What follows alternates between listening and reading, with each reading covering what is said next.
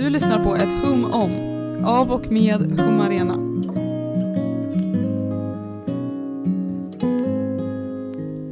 Hjalmar, vilken är den bästa live-upplevelsen som du någonsin har haft? Mm. Bra fråga. Det är, ja, jag har faktiskt ett svar på den. Det är en live-upplevelse, eller förlåt, det är en konsert som jag Mhm. var på. En artist som heter Madison Cunningham, Mhm. som jag var ett, eh, jag har varit ett fan av henne ganska länge. Men inte liksom ett hardcore fan på det sättet, så att jag liksom har alla hennes skivor eller liksom t-shirtar och affischer på mina väggar typ. Så att mina förväntningar var liksom, de var inte skyhöga men ändå höga. Ofta är det ganska bra början att inte Ja. ha skyhöga förväntningar. Exakt. Mm. För om man ska gå på liksom, ja men, jag vet inte, Coldplay eller något så här väldigt känt band, då kanske man har liksom, Håkan Hellström. ja, Håkan Mm. Hellström på Ullevi liksom. Då har man redan innan sett framför sig den här euforin. Exakt. Mm. Och det kanske inte alltid lever upp till det. Då kanske man står Mm. där och så börjar tankarna vandra iväg någon annanstans. Mm. Nu har vi glassbilen här i bakgrunden. Vilket är konstigt i november. En eh, trevlig live- liveupplevelse från barndomen. Exakt. Jag vet inte om det hörs in i mickarna här, men ja, det får bli ett eh, trevligt litet inslag här. Mm. Alla gillar ju den här melodin. ja, men jag tänker den, att höra den när man är ett barn, Ja, det är ju en liveupplevelse i sig. ja verkligen. Alltså det är ju en melodi Oh, som ja. spelas för dig som du Absolut. på något sätt blir Ja. exalterad av. Ja, verkligen. Även om vi, jag då, ute på landet aldrig hade någon Nej, glassbil som kom förbi. Ja, men fortsätt. Eh, Ja, Cunningham. Ja, exakt. Madison Cunningham. Nej, men mina, mina förväntningar var på en lagom nivå. Det var ett ganska litet ställe som vi såg henne, som man kunde för en gång skull se personerna på scenen, liksom inte på en stor skärm, utan ja, men Mm. man såg dem på scenen och man var tillräckligt Mm. nära för att verkligen höra det akustiska ljudet också, liksom av trummorna som spelade. Och det var liksom från första tonen så blev jag och alla vi i det här sällskapet som såg det här helt tagna. Och det var, ja, men det var liksom gåshud i flera minuter i sträck typ. Det var Mm. väldigt så här intensivt. Så det var riktigt coolt. Mm, den där närheten kan verkligen göra skillnad. Jag minns, av någon anledning så finns, har jag det här minnet, bär minnet med mig från när jag var tonåring och var på Kentfest. Mm. En festival anordnad av bandet Kent. Du var ett väldigt stort Kent-fan. Ja, och, och de hade en, det här är inte min bästa liveupplevelse men det är eh, alltså bara ett minne som dyker upp att de hade ju andra artister som spelade för det var en minifestival. Mm. Och en av de artisterna som var där var Elephant. Slags, slags dubstep, jag vet inte, det var inte riktigt min musiksmak, men jag stod ju längst fram då i väntan Mm. på Kent. Um, och jag minns att hon, hon, för de hade som en stor scen, typiskt Kent, liksom en stor hög scen, så att de skulle stå långt bort uppe. Mm. Och hon var där på scenen och hon sa liksom, hon var så här, varför är scenen så hög? Jag vill, Ja. jag vill hångla med min publik. och då tyckte jag så här, gud vad hon är liksom. Ja. Men nu när vi pratar om just liveupplevelser och vad som verkligen gör en liveupplevelse så kan jag förstå vad, hen, vad hon menade på något sätt. Um, just den här närheten som du Mm. pratar om när man kan se personen och kanske till och med se dem i ögonen, det, Mm.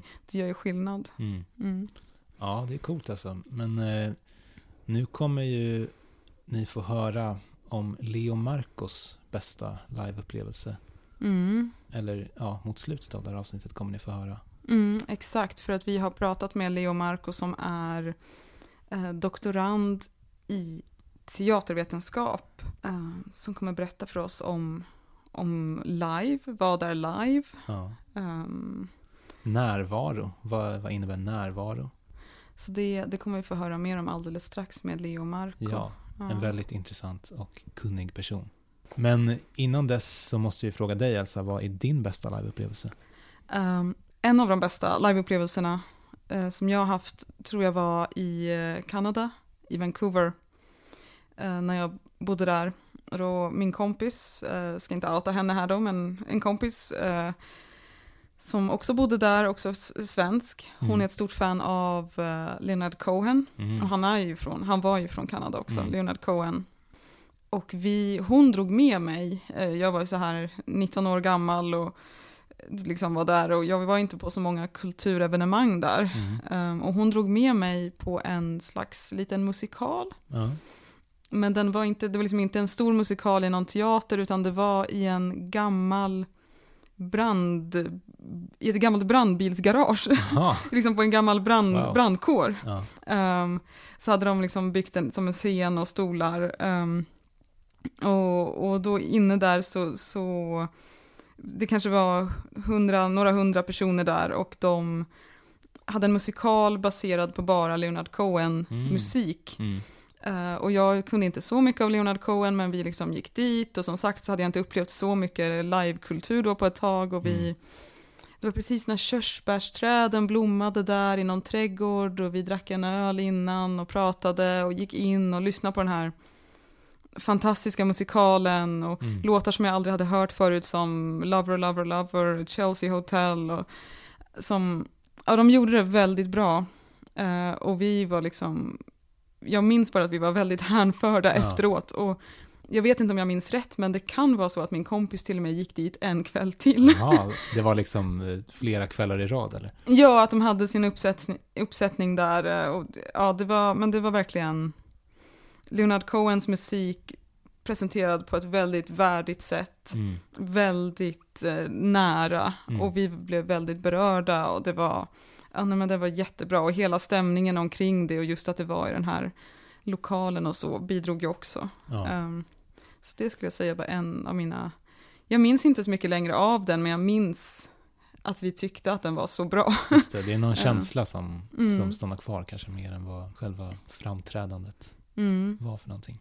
Ja, exakt. Och ja, ska vi dyka in i avsnittet kanske och, och så får vi lära oss mer om den här känslan och annat. Jag tycker vi dyker in.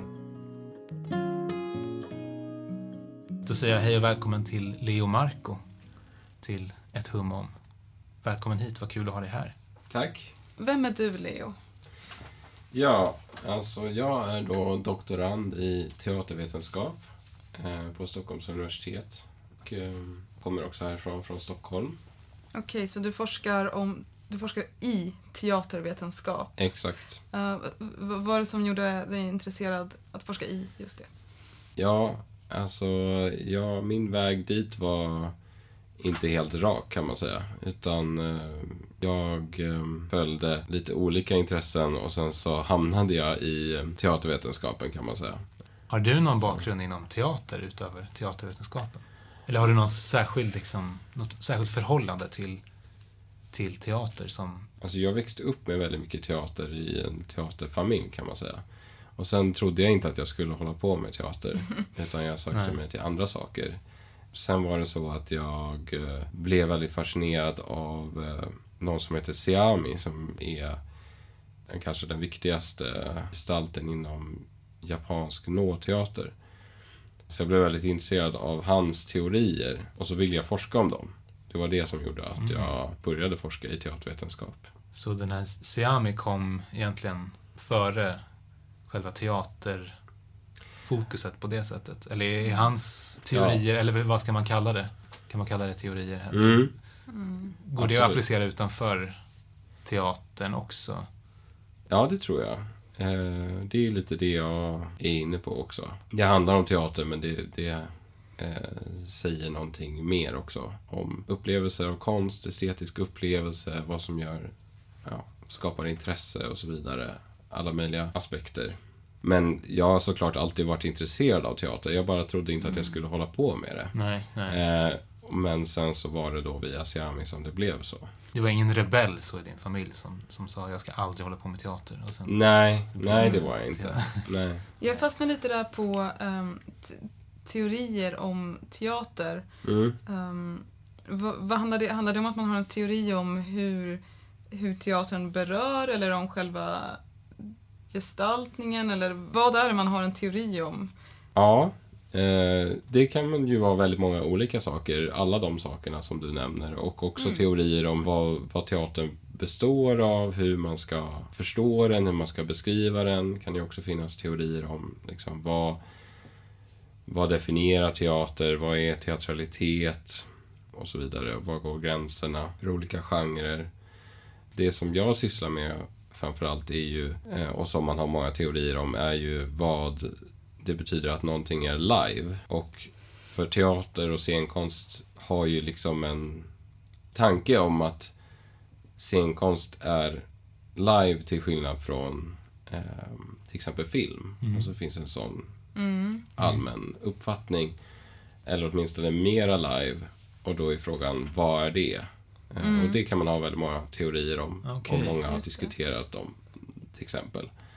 Hur skulle man kunna tänka sig att, att eller var gränsen går? Alltså, när blir någonting... Det här kanske hela din Mm. avhandling handlar om, så det kanske är svårt att ge en kort förklaring på. Men, Nej, men absolut. Alltså det är ju det som eh, jag tycker är kul att nysta i. Alltså att grundläggande så tänker man väl liksom att det som är live är här och nu. Eller det är ju liksom den Mm. gängse förståelsen. Ehm, sen visar det sig vara väldigt komplicerat. Eh, när man väl tänker på det. Hela det här med vad som är här och nu och vad som är närvaro. För att jag menar, all, allt vi upplever är här och nu. Vi kan inte vara någon annanstans än här och nu. Även om vi tittar på en film så är vår upplevelse av den här och nu. Och till exempel en teaterföreställning kan ju ha inslag av förinspelat material eller media. Gör det verkligen att det blir mindre live eller förstör det någonting? Förmodligen inte, kan man väl säga. Ehm, så ingången i mitt forskningsprojekt är väldigt mycket att jag tänker att man kan se eh, att det som utmärker vad som är live kanske handlar om liksom kvaliteten av upplevelsen snarare än vad, vad som tekniskt sett är Okej. här och nu.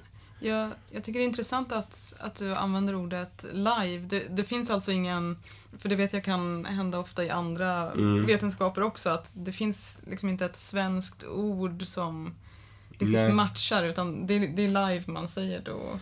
Ja, exakt. Och jag använder det ju nu som ett vanligt ord, även om jag eh, har en, vad ska man säga, akademisk eller en mer kanske komplex diskussion om vad det betyder. Men jag pratar om det vanliga ordet live. Och jag kan ju tycka det är irriterande själv som svensk, men vi använder ju det ordet direkt inlånat från engelskan när vi Mm. pratar om en livesändning, eh, liksom, livespelning live-framträdande. Så det är ju det ordet vi använder på svenska, tänker jag. Även Ja. om det är ett engelskt ord.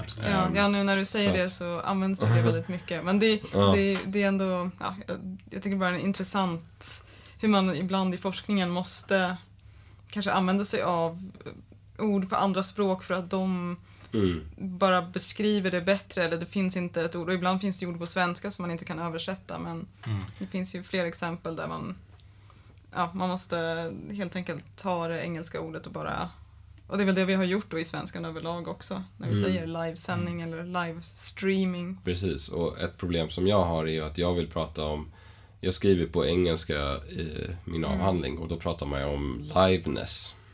Det går inte att säga på svenska. Nej. Eh, Nej. det är ju tråkigt. Eh, det är att någonting är live, liksom, livehet. Ja. Det går inte riktigt så bra att säga på svenska. Men däremot så tycker jag, det som är fint med svenska, som jag har tänkt på, just vad, gäller det här med live, är att vi har en fin liksom, metafor som är det här med levande ljus. Som jag tycker är intressant. Vi använder inte levande som live ofta, men vi har det här med nu används det inte så ofta, men förut pratade man kanske om levande musik. Mm, och sådär. Jag tycker det är intressant också med levande ljus, för där sätter man finger på något som inte finns i på engelska. Eh, men som handlar om just det jag vill prata om. Alltså vad är skillnaden mellan levande ljus och något annat ljus? Vad är det man kommer åt genom att kalla det levande? Vad är det man pratar om då? Mm. Och det sätter fingret på några andra saker än liksom bara här att det är här och nu. Någonting som brinner är lite mer, har en annan betydelse än en glödlampa för Mm. oss i allmänhet. Och det är det jag vill kalla för levande betydelse. Just det. Men när du funderar, skriver om de här orden, de här fenomenen, Mm. gör du ofta, jag tänker lite hur, hur, hur gör du det? Så hur ser en dag för en, en doktorand som studerar det här eller som forskar i det här ut? Är det att du då ofta sitter och, och läser och skriver till det du läser eller är det i, i debatter eller är det intervjuer? Hur, Mm. hur brukar du oftast arbeta? Eller gå på teater. Ja, det blir ju lite så när man också att när man tänker på så ganska abstrakta idéer så tänker man ju på det hela tiden. i sitt liv. Mm. För mig är det ju liksom ganska mycket så läsa, skriva, skriva om. Eh, och såklart eh, prata med andra, gå på seminarier. Som doktorand har man ju handledning, vilket är väldigt bra. Så att eh, man får också någon att eh, bolla med. Ehm, men sen är det väldigt, väldigt olika vad man håller på med. Om man har mer historiskt inriktad forskning så kanske man är mycket i arkiven. Eller så kan det vara att man till exempel ser föreställningar och sånt där. Och jag har ju haft en viss del av sånt, att jag skriver om vissa föreställningar och Eftersom jag fortfarande nu i mitt i avhandlingen så håller jag mycket på med Siami som jag nämnde tidigare och han verkade ju inom det som man nu kallar för Noa-teater. Så jag har ju ägnat en del tid åt att försöka förstå det också och varit i Japan och gått workshops och liksom lärt mig mer om själva den konstformen. Skulle du kunna berätta lite mer om det? Jag blev väldigt Mm, nyfiken på, ja. på vad det är och lite mer om hans Siami. För jag hade aldrig hört talas om honom innan Nej, vi hade kontakt. Det kanske jag borde ha, men det har jag inte. nej precis. Alltså som, eh, som någon, alltid när man forskar om något så tycker man väl att fler borde känna till det. Men, eh, men det är inte så, han är inte så välkänd. Han är känd inom liksom, teaterforskning och till viss del inom liksom, teater och scenkonstvärlden. Och inom Nå så är han ju liksom den stora figuren Vad är. Noa-teater? Ja. Ja, så det är en annan fråga då. Noa-teater. Eh, Det är en japansk teaterform som har en väldigt lång historia. Över 600 år. Och den har mer eller mindre liknande former så att säga. Jag menar, all teater har ju lång historia men den har en liknande form som den hade då på Siamis tid. Jag skulle säga att Siami då levde under 1300 och 1400-talet. Men idag då är det man kan se som kännetecknande för Nå är att folk ofta säger är att det är väldigt långsamt. Det har en väldigt högtidlig atmosfär. Det består av dans eller liksom koreografisk rörelse som är ganska subtil för det mesta. Och musik, en liten ensemble och en kör. Och sen så är det såklart en slags skådespel där huvudrollen oftast har mask. Och när de inte har mask så använder de inte sitt ansikte för att spela.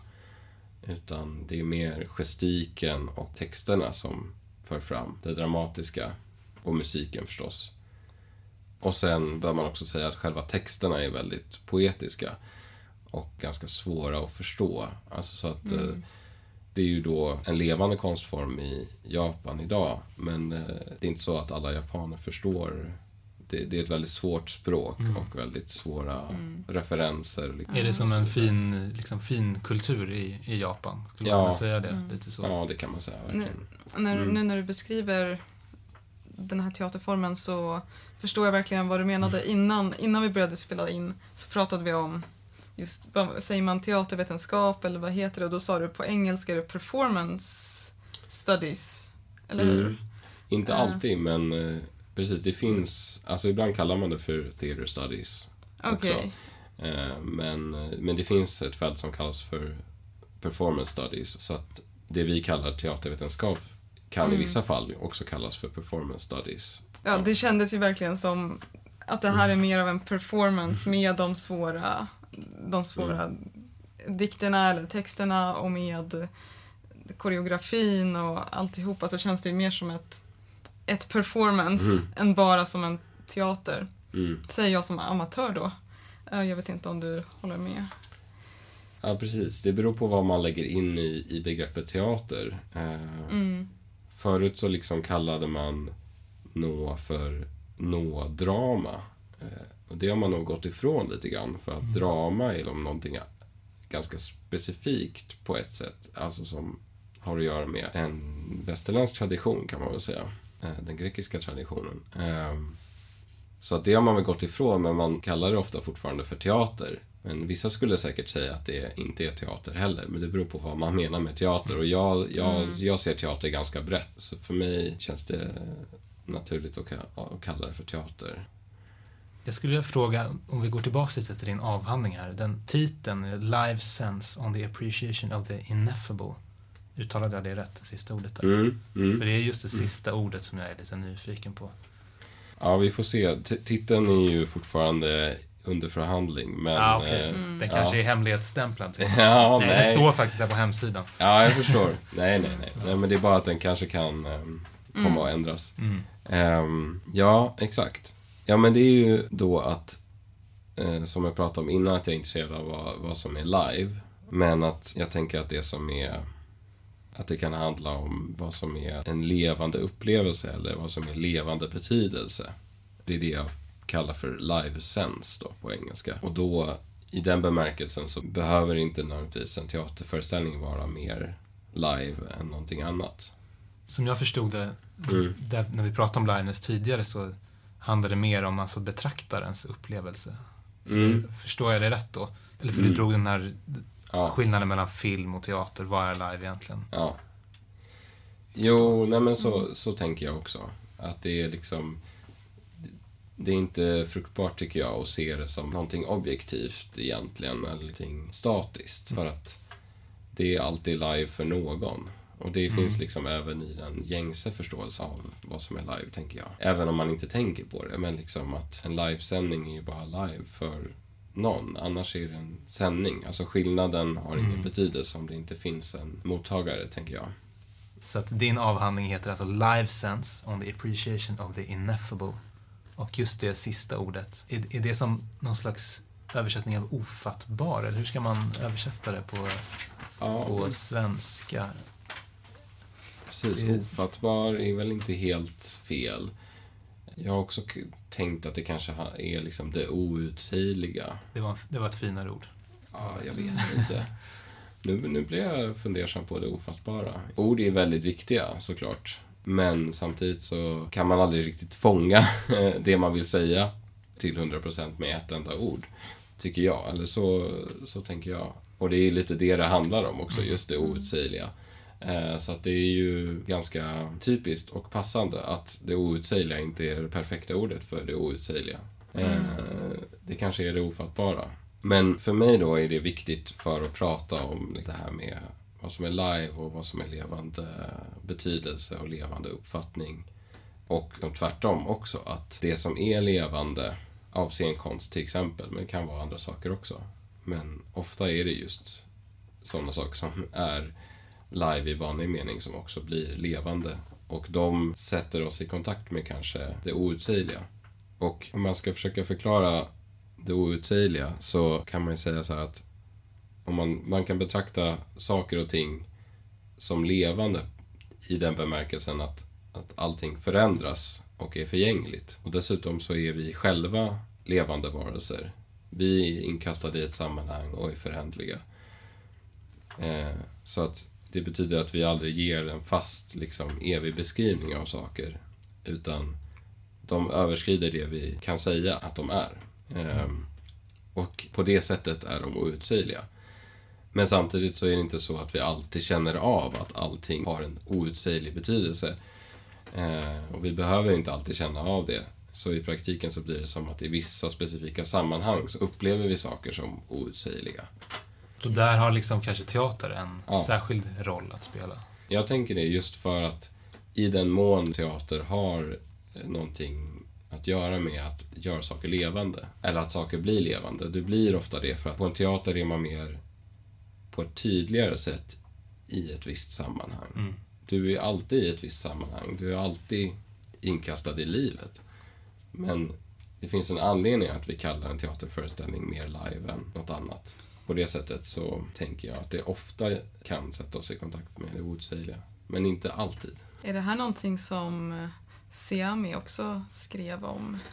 Eh, ja, alltså Siami liksom blir en jätteviktig ingång för mig. Men han skrev ju i ett helt annat sammanhang och så. Eh, men man kan säga att han hade ett väldigt stor, starkt intresse för det att någonting är levande. Och det är något som utmärker hans teorier att för att han var ju liksom inte en teoretiker först och främst. Han var inte en filosof eller så. Utan han var någon som levde på, på scenkonst. Som stod på scenen, som skrev Okej. pjäser. Mm. Som Mm. hade hela sin överlevnad byggde på och, och hela hans status byggde på att han kunde skapa bra upplevelser på scen. Och det gör att fastän han skrev pjäser som liksom anses vara jätteviktiga inom världslitteratur så ser han liksom mer att texten, dramatiken, är liksom ett medel för det som händer. Effekten. När man Mm. faktiskt framför det man vill förmedla. Det som förmedlas är målet. Texten är medlet. Snarare än att kommunicera texten är målet och teatern bara är medlet för det. Så Ja. han har hela tiden väldigt mycket uppmärksamhet kring vad som händer mellan scen och salong, som man säger. Och, Okej. och det man kan vilja förmedla, det är, kanske- är det typ känslor eller någon slags ehm, moral eller vad är det ofta om, om texten är sättet för att nå, nå målet att förmed, förmedla det, vad är det som man vill förmedla ofta? Det beror ju verkligen på. Mm. Och det han menar, alltså han har en liksom central metafor för vad som är intressant, vad som är bra konst eller vad man ska säga. Eh, och det är blomman. Så att det, det man vill uppnå enligt honom är liksom blomman. Eh, men det som är centralt med blomman är att den är aldrig samma sak. Så att den är alltid ny. Den upplevs alltid som någonting ovanligt. När publiken kommer och ska titta på någonting, om det inte känns nytt och fräscht eller ovanligt, Mm. då blir det inte intressant. Och för att det ska vara det så måste det vara något nytt varje gång. Eh, eller måste det vara olika saker. Så att därför så måste det man förmedlar vara väldigt olika saker. Det enda gemensamma är att det liksom inte ska vara väntat. Och det hänger ihop, tänker jag då, med också vad som är levande betydelse. Men hur, hur kan man... Jag tänker att det här, nu kanske vi pratar om den här specifika teaterformen Noa, vad heter den? Nå. Nå. Noa. Mm. Eh, Men jag tänker om man, eftersom du talar om att det viktiga enligt Siami är, är den här förändringen, att det kommer något nytt. Men jag tänker att Mm. det är så vanligt i, tycker jag i alla fall, i teater att man spelar ju samma gamla pjäser och, och publiken vill verkligen se de här liksom Strindberg eller Shakespeare eller vad det nu må vara om och om igen. Mm. Blir det förändring då? Ja, nej men det är en jättebra fråga. Alltså det är för det är liksom en helt annan bild av förändring än Mm. det vi tänker på för, som förändring. För att vi är väldigt vana att saker ska vara nya, tänker jag. Men inom nåteater är allting ganska gammalt om man hårdrar det. Eh, och det, det skulle inte vara något problem för Siami. Utan han ser det mer som att det finns olika årstider. Så att du ska liksom förbereda många olika frön som en stor konstnär. Så alla de här fröna ska kunna blomma i sin rätta årstid. Och sen när det är dags för den årstiden att komma tillbaka så kommer det här fröet att blomma igen. Och det blir Okej. nytt igen. Så det är återigen den här metaforen med en blomma. Jag menar, körsbärsblommen kommer på, på våren och så nästa vår så, så ska det ju komma körsbärsblom igen. Då kommer den kännas ovanlig och, och rätt. Det skulle ju vara jättekonstigt om det kom någon helt annan blomma. Det skulle inte vara så intressant. Så att han, han, liksom, han är väldigt specifik också med, jag tror inte att du kan bara hitta på någonting som ingen har hört talas om. Då är det bara som att du försöker vara intressant. Det blir inte intressant. Det finns också eh, det här med att vara ny, eller ovanlig, hänger också ihop med en annan liksom, princip han har som är att eh, när det finns hemligheter så finns blomman. När det inte finns hemligheter så finns inte blomman. Och det har att göra med då att man inte ska kunna förvänta sig veta vad det är som man kommer få.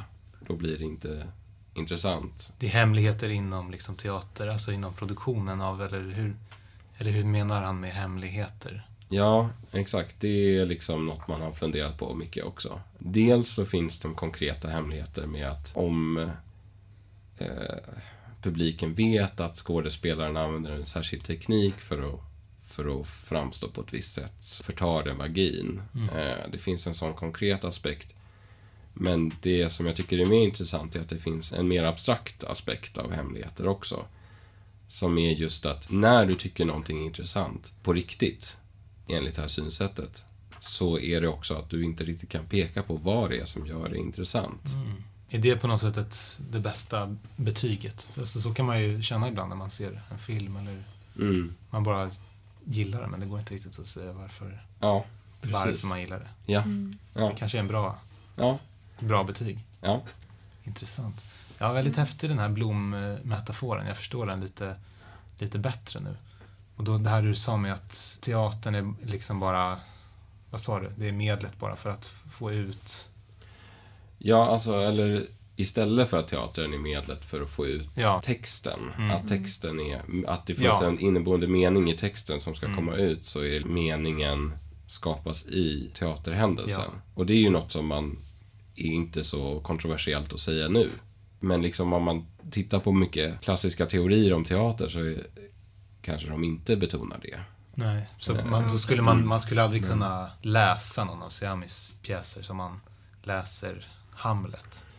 Då skulle en stor del av upplevelsen förtas.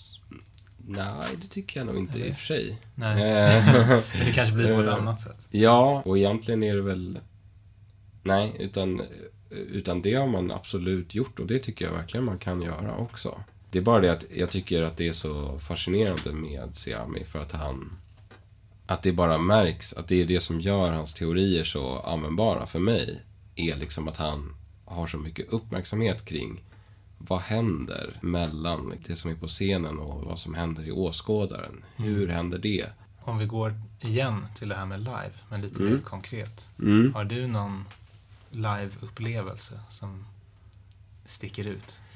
En, din bästa live-upplevelse? En film. Ja. ja, jag hade kunnat vara... Jag skriver lite om film också faktiskt. Ehm, men eh, mest aktuellt just nu är nog eh, för mig i min egen process är en upplevelse av teater för ett par år sedan. Det var en ehm, pjäs som hette Roberts Broberg och dalbana på eh, Stockholms stadsteater. Som då handlade om Robert Broberg och hade massa av hans låtar med. Så det var en musikteaterföreställning. Och mer specifikt så var det liksom mot slutet av den föreställningen så framförde de en låt som heter Spring inte så fort pappa. Och alltså Robert Broberg är ju liksom, tänker man bara på skoj och ordvitsar eh, Mm. och sånt. Ehm, och eh, jag har ju lyssnat på honom när jag var liten, men hade, kände inte till den. Och den låten är väldigt rak och har inget, ingen liksom, inget skämtsamt sådär. Och de framförde den också väldigt rakt. Och det var så himla, man säga, intensivt. För det både speglade tillbaka på hela föreställningen, på liksom hans liv. Men för mig handlade det också om mitt eget liv då. Mm. Jag tänkte på, på min pappa, på mina barn. Det handlar ju om, såklart om, om den låten, men också om hela det sammanhanget. Eh, Vem jag var som var där Mm. och hela teaterföreställningen som helhet. Om det inte hade varit live på det sättet så hade det inte... Eller jag menar, det, så det är alla de omständigheterna som Mm. skapar den här upplevelsen. Det går inte att, att se det isolerat från det. Nej, Eh, just det. Det är hela inramningen som på något sätt gör... Mm. Ja. Vad fint. Det låter Ja. som ett starkt ögonblick. Ja. Och kanske en stark avslutning på det här avsnittet. Verkligen. Så länge det inte finns någonting mer som du vill ta upp. Nej. Eller jag bara kasta in en annan eh, sätt man kan förstå det här med vad som är live då. Mhm. Alltså att Mm. det är någonting som vi inte har pratat om, men som är centralt och ibland pratar man inte om live, utan istället pratar man då om närvaro. Eh, och det har vi liksom inte berört nu, för jag har inte behövt det. Men det är liksom väldigt intimt kopplat.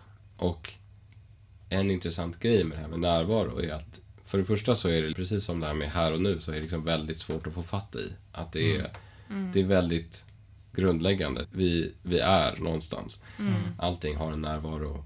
Men samtidigt svårt att få fatt i. Men någonting som är intressant med närvaro är också att som man tänker på just inom teatersammanhang är ju att där finns det också det här begreppet om liksom scenisk närvaro. Man kan säga att en viss skådespelare eller dansare eller liknande har närvaro. Alltså att Mm. den och den har närvaro. Mm. Och det tycker jag, det uttrycket fångar någonting av det jag försöker komma åt också. Det är något konstigt för att antingen är man närvarande eller inte närvarande. Mm. Vad betyder det att ha närvaro? Då blir det plötsligt en fråga om hur mycket närvaro man har. Mm. Men då tänker jag att det handlar om någonting som man har svårt att sätta ord på annars. Och då använder man liksom det här mest grundläggande och samtidigt mest Aha. undflyende begreppet. Alltså att, ja, det var en närvaro liksom. Som ett sätt att förklara varför någon Mm. en skådespelare kunde beröra en så mycket. Eller Ja. varför det var så Precis. särskilt bra pjäs. Eller, Ja. ja. Men samtidigt är de som inte har en närvaro, de är ändå där, närvarande. Så jag förstår, det blir som en... Just det, man är närvarande liksom. oavsett eh, Ja, man är alltid vare sig man närvarande. vill eller inte. Eller är det lite det som...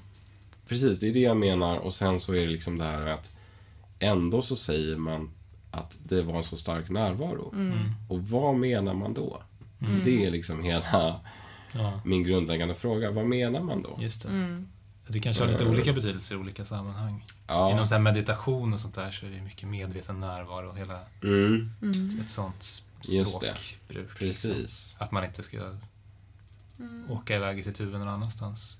Just det, att fokus är Ja, här och ja. nu. Mm. Exakt. Då kommer vi tillbaka till det där med här och nu också. Ja, Just det. Mm. Det är ju ganska Ja. bra. Det känns ju... Ja, jag tycker de, då förstår man ju verkligen hur de knyter an till varandra och att Ja. allt, alla de här begreppen hänger ihop på något Ja. sätt. Mm. Så det känns ju bara, bara bra att komma tillbaka till det. Mm, verkligen. Mm. precis. Men sen så... Sen så vet jag inte om jag tror så mycket på... Eller liksom... Det jag är ute efter, eller det jag uppskattar, är kanske inte heller den här rena närvaron. Att, att vara i nuet bara. Mm. Jag tror inte att det skapas någon mening i, i ett slags rent nu. Nej. Utan det måste finnas någon slags distans också. Eller just att man förstår nuet som någonting undflyende. Det levande. Det levande ljuset. Alla Mm. orden kommer tillbaka. Det Ja. känns, det känns Mm. bra, men det kanske är ett bra Det ett avslut. riktigt Vi starkt har avslut. närvaron och det Ja. levande och här och nu. Ja. Och det här var ju i allra högsta grad live Mm. för oss som sitter här. Och ni som lyssnar kanske inte alls tycker det är live för det... Eller så Eh, får de fundera på om Ja, det är precis. live. Det kan man ju Mm. fundera på Mm. när man lyssnar på det här på Spotify eller var man nu Mm. lyssnar någonstans. Ja, men jag tänker att vi säger eh, tack till Leo. Tack. Stort Jätte, tack. jättekul att du ville vara med i vår podcast. Vi säger följ Humarena på Instagram för mer uppdateringar, fler poddavsnitt, allt möjligt. Och tack till dig Hjalmar. Tack Elsa. Tack.